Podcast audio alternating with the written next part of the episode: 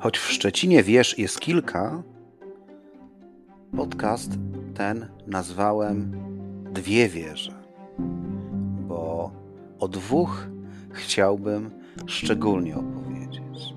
Ale na koniec zamiar mam opowiedzieć o wieżach innych. Tak, o tym będzie dzisiejszy podcast.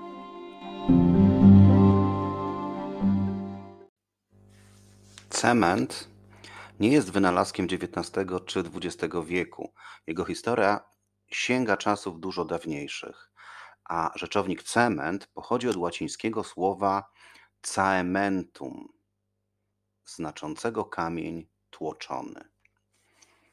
Beton, do którego produkcji wykorzystuje się cement, pojawił się i był wykorzystywany na dużą skalę przez Rzymian już około I wieku naszej ery. A pierwszą zaprawą cementową była ziemia z okolic miasta Pozoli, niedaleko Neapolu. Tamtejsza gleba zawierała glinę i od 10 do 40% wapienia. Od nazwy miasta wzięła swoją wzięły swoją nazwę pukolany, czyli związki, którym rośnie wytrzymałość pod wpływem wody. Jak widzicie, związki wulkaniczne były jakby z pieca cementowego. Rzymscy budowniczowie mieli dostęp do licznych naturalnych złóż cementu, a budowle z niego powstałe, takie jak kopuła Panteonu, zachowały się do dzisiaj. Niestety w średniowieczu o cemencie zapomniano, stosując cegłę, kamień i zaprawę wapienną. Cement na budowy powróci dopiero w czasach nowożytnych. I tak w 1817 roku francuski inżynier Louis Vicat rozpoczął badania nad właściwościami mieszanki wapienia z popiołami wulkanicznymi. I jako pierwszy wyznaczył właściwe proporcje obu składników, które po wypaleniu i zmieleniu, w połączeniu z wodą oczywiście, stawały się spoiwem do zastosowań budowlanych, czyli po dzisiejszemu cementem. Zrobił jeden błąd, opublikował wyniki swoich badań przed ich opatentowaniem. Natomiast w roku 1824 skład mieszanki udoskonalił Anglik e, Joseph Aspdinow, jednocześnie stając się właścicielem patentu na cement o wydłużonym okresie wiązania. Cement zyskał miano portlandzkiego, gdyż, stworzono, e, gdyż stworzony przez niego beton przypominał kolor skał wyspy Portland z południowej Anglii. I tak również powstał nowoczesny beton, kiedy to po odkryciu cementu portlandzkiego w roku 1845 osiągnięto wyższe temperatury w piecach. Cement portlandzki umożliwił nowoczesne budownictwo. Portal sedina.pl podaje, że jedna z pierwszych wytwórni cementu powstała w Szczecinie w oparciu o rodzimą technologię, także opatentowaną przez pochodzącego z Nadrenii chemika doktora Hartmana Bledbraua, który po ukończeniu studiów w Anglii osiadł właśnie tutaj. Więc na Pomorzu Zachodnim, w miejscowości Zilchow, obecnie dzielnica Szczecina-Żelechowa, od 1855 roku działała pierwsza niemiecka cementownia. Jako ciekawostkę podam, że jeśli wzięlibyśmy pod uwagę dzisiejszą mapę Polski, to jest to druga cementownia, gdyż pierwsza powstała w Kongresówce w Grodźcu, to dziś dzielnica Będzina. O ile w okolicach Będzina skały wapienne zobaczymy, to zaskakuje fakt, że takie skały występują na Pomorzu.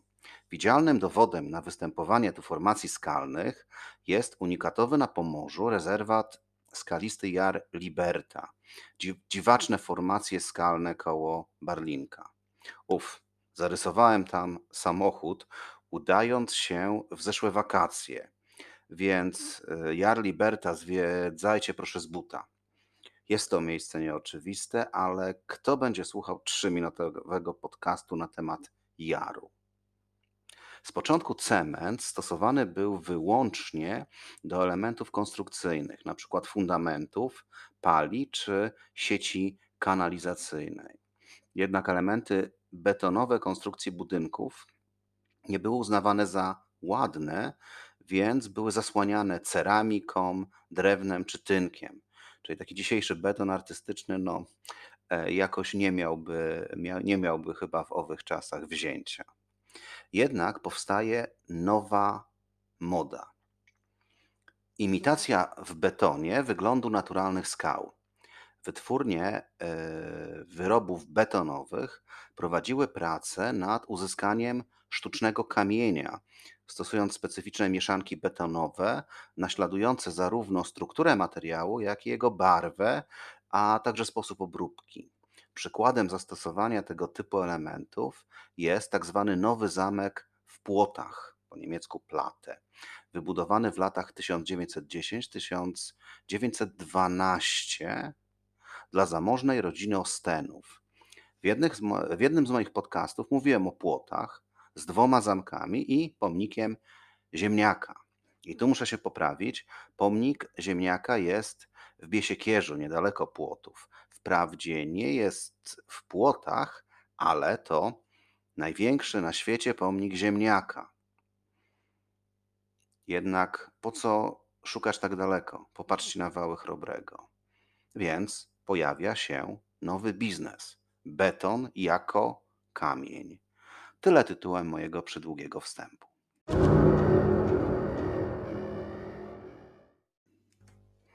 Fakt, choć zaskakujący, pozostaje faktem. W okolicach Szczecina znaleziono skały wapienne, a cementownia w Zilchow nie była ostatnią tu założoną. W 1862 roku grupa kupców z Gustawem Adolfem Topferem i jego partnerem Grawicem na czele wykupiła część majątku rolniczego w Fickenwalde. I tak na skraju gór bukowych powstał obiekt. Fabryka cementu portlandzkiego. Albo jak kto woli Portland Cement Fabrik Stern, która po śmierci założycieli prowadzona była przez następców. Alberta Edwarda Topfera i Georga Grawica. Ogromnym atutem było dogodne położenie cementowni, bo powstała ona nad brzegiem regalicy, blisko złóż kredy, wapienia i gliny, eksploatowanych na zboczach wzgórz Puszczy Bukowej. Urobek z kopalni zjeżdżał do cementowni w wagonikach specjalnej kolejki. Fabrykę połączono z regalicą kanałem, który gwarantował dobre warunki transportu gotowego produktu, a także odbioru dostaw z wyspy Rugia, gdy niektóre miejscowe surowce się wyczerpały. Wysoka jakość nagradzanego w konkursach produktu sprawiła, że fabryka bardzo szybko się rozwijała. Warto też wspomnieć o drugim synu Gustawa Adolfa, Richardzie Topferze. Młody Richard już od gimnazjum interesował się nowoczesną e, mechaniczną techniką rolniczą. I tak się złożyło, że w 1862 roku spotkał wynalazcę pługa parowego, Johna Fowlera. Wyobraźcie sobie, że w XIX wieku ówczesne traktory były jak lokomotywy. Topfer został przedstawicielem firmy Fowler na Niemcy, a także pionierem nowoczesnego rolnictwa. W 1895 roku Topfer zakupił podupadły majątek w Lopał, którego stodołę zamienił w swój dom, bo dom był zrujnowany, i przekształcił obszar o powierzchni 3000 akrów w reprezentacyjną posiadłość wiejską. E, nieruchomość ta służyła również do demonstracji nowych maszyn rolniczych i leśnych, które, które Gustav Adolf, e, które Richard Topfer sprzedawał. W szczególności chciał wykazać skuteczność pługów parowych na zubożałych glebach w przygotowaniu do zalesienia i uprawy roli. Niestety majątek w 1922 roku musiał zostać odsprzedany państwu, a dziś znajduje się w jego miejscu poligon Bundeswehry. Tak więc w pewnym sensie nowoczesne niemieckie rolnictwo wywodzi się ze Szczecina. Wróćmy do Alberta Edwarda i cementowni Stern. Syn, który przejął po ojcu cementownię, wcześniej w latach 1863-64 kształcił się w Wyższej Szkole Handlowej w Chemnitz i trzeba powiedzieć, że dobrze go tam wyszkolili, bo zanim przejął po ojcu cementownię, założył pierwszą niemiecką manufakturę mat kokosowych, którą później rozwinął w fabrykę, a następnie rozszerzył tkalnię drutu. Po śmierci ojca w 1896 roku założył w, Gra w Grabowie koło Szczecina fabrykę kamienia cementowo-betonowego Komet. Od 1898 roku był członkiem i założycielem niemieckiego Stowarzyszenia Betonów, a od 1020, 1920 jego honorowym prezesem. Zmysł marketingowy posiadał również, bo niedaleko fabryki powstał swoisty eksporum, a możliwości materiałów produkowanych przez Stern prezentował potencjalnym kupcom, budując w 1880 roku sztuczną grotę oraz taką ciekawą konstrukcję, dwa betonowe łuki, na których ustawiony był pawilon muzyczny w stylu dalekowschodnim. E, trzeci z Topferów, y, wnuk założyciela cementowni, w 1906 roku zbudował w jej pobliżu przepiękny pałac, któremu, go, mm, któremu udało się przetrwać do końca II wojny światowej, aby zostać spalonym i rozgrabionym przez wojska sowieckie. Helmut to również miłośnik sztuki. W jego rezydencji stanęła zamówiona w Rzymie kopia Mojżesza. Tak, tego Mojżesza, dłuta Michała Anioła. Ten sam Topfer sfinansował stworzenie dla szczecińskiego muzeum kopii pomnika Bartolomeo Caleoniego, pierwszego znanego artylerzysty, który w XV wieku skutecznie zastosował w polu armaty prochowe.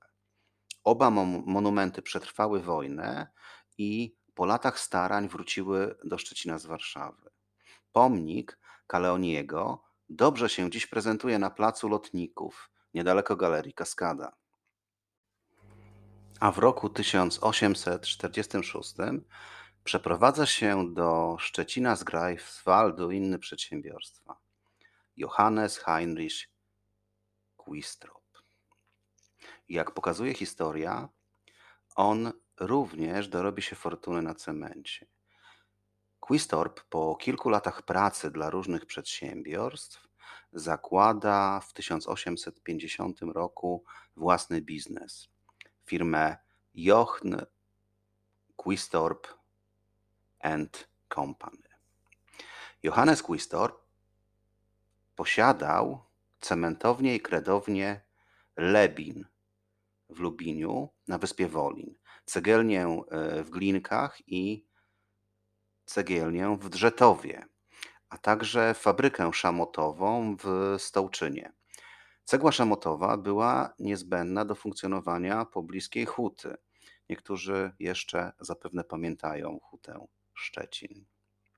Śladem po wolińskiej cementowni jest jezioro turkusowe, które jeszcze w czasach E, niemieckich było wyrobiskiem kopalni Kredy, pracującej na potrzeby cementowni w Lubinie. Po wojnie Sowieci wywieźli cementownię, jednak kopalnia funkcjonowała jeszcze do 1954 roku do wyczerpania się złoża. Dziura w ziemi została stopniowo napełniona wodą. Wyspa Wolin jest miejscem nieoczywistym i niedługo o niej opowiem. A Johannes to chyba najbardziej znany szczeciński filantrop, a także wizjoner. Dokąd trzeba było cement sprzedawać, więc jego pomysłem była budowa tak zwanego West Endu, o którym opowiadałem przy okazji Niebuszewa. Więc y, Quistorp założył spółkę budowlaną, która przyczyniła się do powstania nowych dzielnic Szczecina. Westendu, Neuwestendu, Braunswelde Jest to obecnie zachodnia część centrum, Łękno i Pogodno. Dzięki filantropowi miasto zyskało na przykład kompleks opiekuńczy Betanien w roku 1868, przeprowadzony przez siostry diakoniski, który pełnił funkcję opieki, e, funkcję domu opieki, szpitala czy też szkoły. W różnych budynkach oczywiście, czyli to był cały kompleks. Jest on również najczyńcą ziemi, która e, zgodnie z jego życzeniem e, stała się Quistort Parkiem. Obecnie jest to Park Kasprowicza. Syn Johannesa, Martin, zwiększył stan posiadania elektrownię, zakład wodociągowy, rzeźnię czy piwnicę do składowania wina, a także wielu szczecińskich restauracji. To on sprzedał miastu działkę pod budowę magistratu, gdzie obecnie mieszczą się władze Szczecina. Johannes zmarł 9 maja 1899 roku. Został pochowany na, cmentarnie, na, na terenie cmentarza zakładu opiekuńczego Betanien. Obecnie. Niestety groby Johannesa i jego syna nie zachowały się. Prawdopodobnie zostały zniszczone w latach 60. ubiegłego stulecia. To się, ten cmentarz znajduje się na dzisiejszym osiedlu Łękno, a po wojnie stacjonowały tam wojska sowieckie, więc cmentarz e, został zamknięty. Po miejscu pochówku Johannesa czy Martina nie pozostały prawie żadne ślady, jednak jednak e, szczecińskie stowarzyszenie Denkmal Pomorze znalazło niezidentyfikowany kamień i fragment jednego z orłów, które ustawione były po obydwu stronach nagrobka Quistorpa syna. Naprawdę dobra robota. A dodać należy, że to samo stowarzyszenie odnalazło płytę nagrobną pierwszej żony Johannesa Quistorpa, Wilhelminy.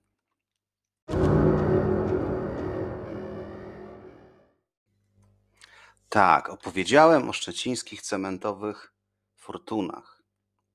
Ale skąd tytuł Dwie wieże? Dwie wieże oczywiście z Tolkiena, żeby zrobić cytat. Ale opowiedzmy o pierwszej wieży. Pierwsza wieża, której nie ma, to ukończona w 1904 roku wieża Baresela w Szczecinie-Zdrojach. Jej fundatorem był Johannes Baresel, mieszkaniec Zdrojów, wieloletni działacz i urzędnik gminy, a wzniesiono ją przy wsparciu Frederika Zivelta, przewodniczącego gminy. Była to majestatyczna budowla Puszczy Bukowej. Podobno przy dobrej pogodzie z wieży można było zobaczyć nawet Stargard. Podczas II wojny światowej wieża została wykorzystana do celów wojskowych jako punkt obserwacyjny. W 1945 roku obok wieży stacjonowała nawet bateria przeciwlotnicza. Niestety wycofujący się Wehrmacht e, wieżę wysadził w powietrze, aby nie stanowiła punktu obserwacyjnego dla wojsk sowieckich. E, dziś pozostały tylko ruiny fundamentów wieży oraz schody, którymi można wejść na taras widokowy z panoramą lewobrzeżnego Szczecina, a właściwie częściową panoramą. Obok wieży znajduje się jezioro Szmaragdowe, które jest pozostałością po wspomnianej cementowni Stern. Historia jeziora jest taka, że e, dopóki nie sięgano po urobek poniżej wód gruntowych, można było bezpiecznie surowiec wydobywać. Jednak 16 lipca 1925 roku natrafiono na tzw. Tak piaski zawodnione, przez które nastąpił gwałtowny wlew wody i błyskawicznie zalanie odkrywki. Takim przypadkiem powstało jezioro, które jest do dziś. Można powiedzieć, że są to szkody ekologiczne rodziny topferów. Niedaleko zobaczymy betonową grotę, o której już wspominałem przy okazji cementowni Stern. Jest to tak zwana grota za łukami. przy której budowie starano się, by wnętrze budowli jak najlepiej przypominało wygląd naturalnych grot w skałach wapiennych. Są tam nawet stalaktyty i charakterystyczne nacieki. A dlaczego za łukami? O ekspozycji handlowej też wspomniałem. Na łukach była scena koncertowa w kształcie orientalnej pagody. Około 1900 roku grota i jej otoczenie stało się dostępne publicznie i zaczęło spełniać funkcję reklamy produktów cementowni Stern. Grota nazywana jest również grotą Geringa, bo ponoć kiedyś w niej przebywał, ale dowodów na to nie ma. Niedaleko, na zachód od jeziora, zachowały się pozostałości zabudowań wojskowych, powstałych w latach 30. XX wieku, e, z których obroną Pomorza dowodził Gauleiter Schwede Coburg. Podziemia udostępnione są do zwiedzania w okresie letnim dzięki Szczecińskiemu Towarzystwu Poszukiwacze. Odnajdziecie ich łatwo w internecie, a podziemia można zwiedzać pod warunkiem, że nie zimują tam nietoperze. Dlatego dobrze zrobić to latem bądź wiosną. A druga wieża, tu znowu pomaga nam grupa facebookowa Szczecin Znany i Historyczny i Pospawła. Pozdrawiam. E, w tym roku Szczecinianie obchodzić będą dwustulecie urodzin słynnego Johannesa. Jednym z najbardziej znanych obiektów związanych z opisanym przeze mnie filantropem jest jego wieża w Lasku Arkońskim. Ufundował ją jego syn Martin. Była najwyższą i najbardziej okazałą wieżą po opisanej wie, już wieży Brasela i wieży Bismarcka, o której za chwilę. Oddano ją po kilku latach budowy w 1904 roku, więc jest rówieśniczką swojej koleżanki z Prawobrzeża. Miała 9 pięter i około 50 metrów wysokości. E, zaprojektował ją Franz Schweszten, który projektował również Pałac Cesarski w Poznaniu. Jest to kolejna wieża, której nie ma i nikt naprawdę nie wie, jak została zniszczona i dlaczego. Jednak najbardziej prawdopodobne jest, że wysadzono ją w kwietniu 1945 roku, gdy pod Szczecinem były już sowieckie wojska, a sama wieża mogła być punktem obserwacyjnym. Raczej nie została zbombardowana, jak głosi inna legenda, bo wszyscy by to słyszeli. Pozostały po niej fantastyczne ruiny, niestety zniszczone trochę przez e, wandali uzbrojonych w spraye, trochę zarośnięta, ale warto zobaczyć ją latem lub wiosną. Wygląda wtedy jak z księgi dżungli. Nawet mówią o niej szczeciński Ankor. Pierwszy raz zobaczyłem wieżę Quistorpa na kanale YouTube'owym Pan od Książek, gdzie Krzysztof przeprowadzał wywiad ze szczecińskim pisarzem, podróżnikiem. Nie mogłem się oprzeć, żeby nie zorganizować sobie pojannego joggingu po lesie e, arkońskim. No i zobaczyłem wtedy wieżę Quistorpa. Jest jedna dobra informacja. No, może więcej, ale dzisiaj co do wieży Quistorpa chcę to powiedzieć, że ruszają prace w ramach budżetu obywatelskiego, aby ruinę wyremontować, ogrodzić, e, opatrzyć stosownymi informacjami i zachować ją jako tak zwaną trwałą ruinę, która jest dziedzictwem Szczecina. Przy okazji podcastu Rzeźnika z Niebuszewa mówiłem, pojedźcie przez Las Arkoński, więc trasy możecie połączyć. Jest również w Szczecinie tak zwany szlak, szlak Quistorpa, obejmujący Jasne Błonia, West End, e, tereny zakładu Betanien, wieżę Quistorpa i ogród Róż. Także na taki spacer też będąc w centrum Szczecina można się udać. A inne wieże? No jest ich kilka. Oczywiście na Gocławiu zobaczycie wieżę Bismarka, która robi imponujące wrażenie i tak jak mówiłem przy okazji podcastu o żaganiu, nie jest to jedyna wieża Bismarka w Polsce, ale pewnie jedyna, w której odbyła się czarna msza. Ma w niej powstać restauracja. Pożyjemy, zobaczymy. No i jeszcze kilka słów o wieży zegarowej na Zamku Książąt Pomorskich. Wow, wiem, duży rozstrzał geograficzny, ale kto, będąc w Szczecinie, nie uda się na zamek? Wieża zegarowa jest jednym z najbardziej rozpoznawalnych elementów szczecińskiego zamku, gdyż jest w niej zabudowany barokowy zegar z 1693 roku.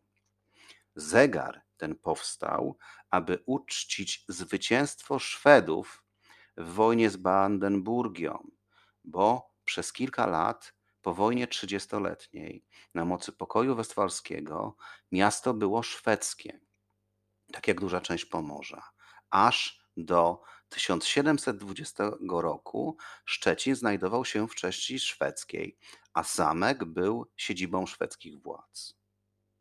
Już w czasach swojego powstania zegar był uznawany za zaskakujący. Zielony maszkaron porusza oczami zgodnie z ruchem dużej wskazówki godzinowej, a w ustach ma cyfrę pokazującą dzień miesiąca. Natomiast błazen wybija lewą ręką godzinę, a prawą kwadransę. Rzeczywiście, jak to na Szczecin przystało, tarcza ozdobiona jest gryfami. Ciekawą funkcją jest to, że zamkowy zegar demonstruje również aktualną fazę księżyca.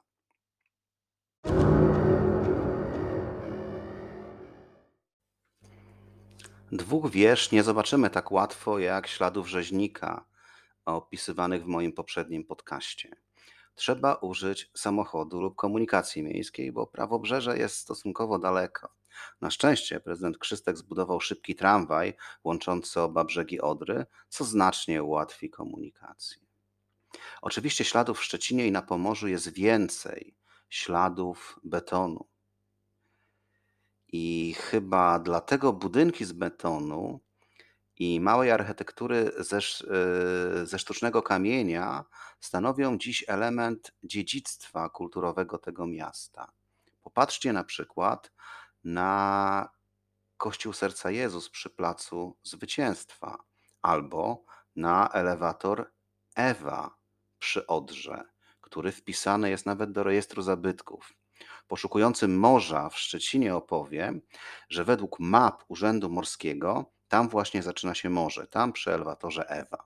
A jeśli uważnie będziecie patrzeć pod nogi, to oprócz typowych dla Szczecina płyt granitowych, które służyły jako balast statków przypływających po zboże, na ulicach można jeszcze zobaczyć płyty chodnikowe o wymiarach 25 na 25 z charakterystyczną kometą, pochodzące z wytwórni Koment, powiązaną z cementownią Stern z Fickenwalde. Fickenwalde, czyli dzisiejszy Szczecin Zdroje.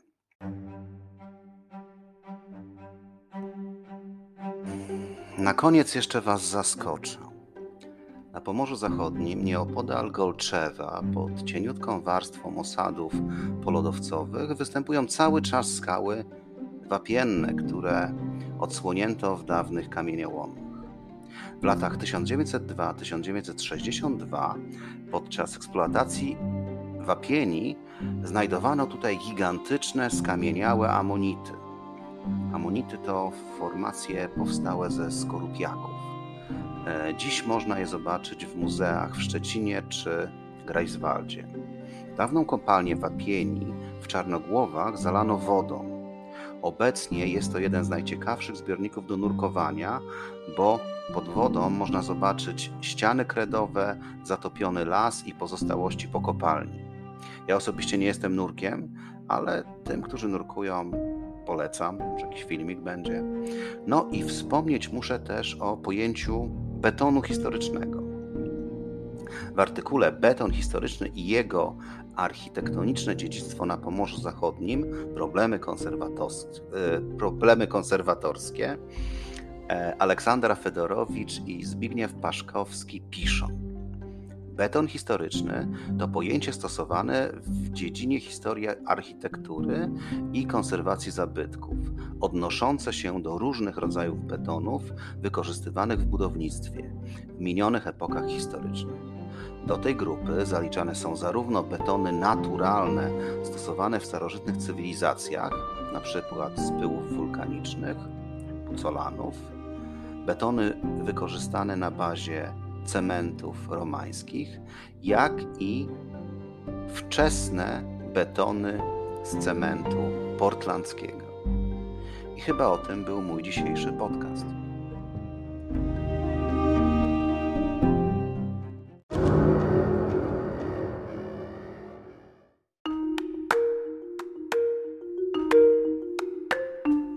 Krótkie posty z miejsc nieoczywistych znajdziecie na stronie www.instagram.com ukośnik miejsca podkreślnik nieoczywiste. Mam też stronę podcastu www.facebook.com ukośnik nieoczywiste miejsca. Jeśli któryś z postów wart jest podcastu, po prostu napiszcie na adres dom w Dawidach małpa gmail.com. Zapraszam do kontaktu.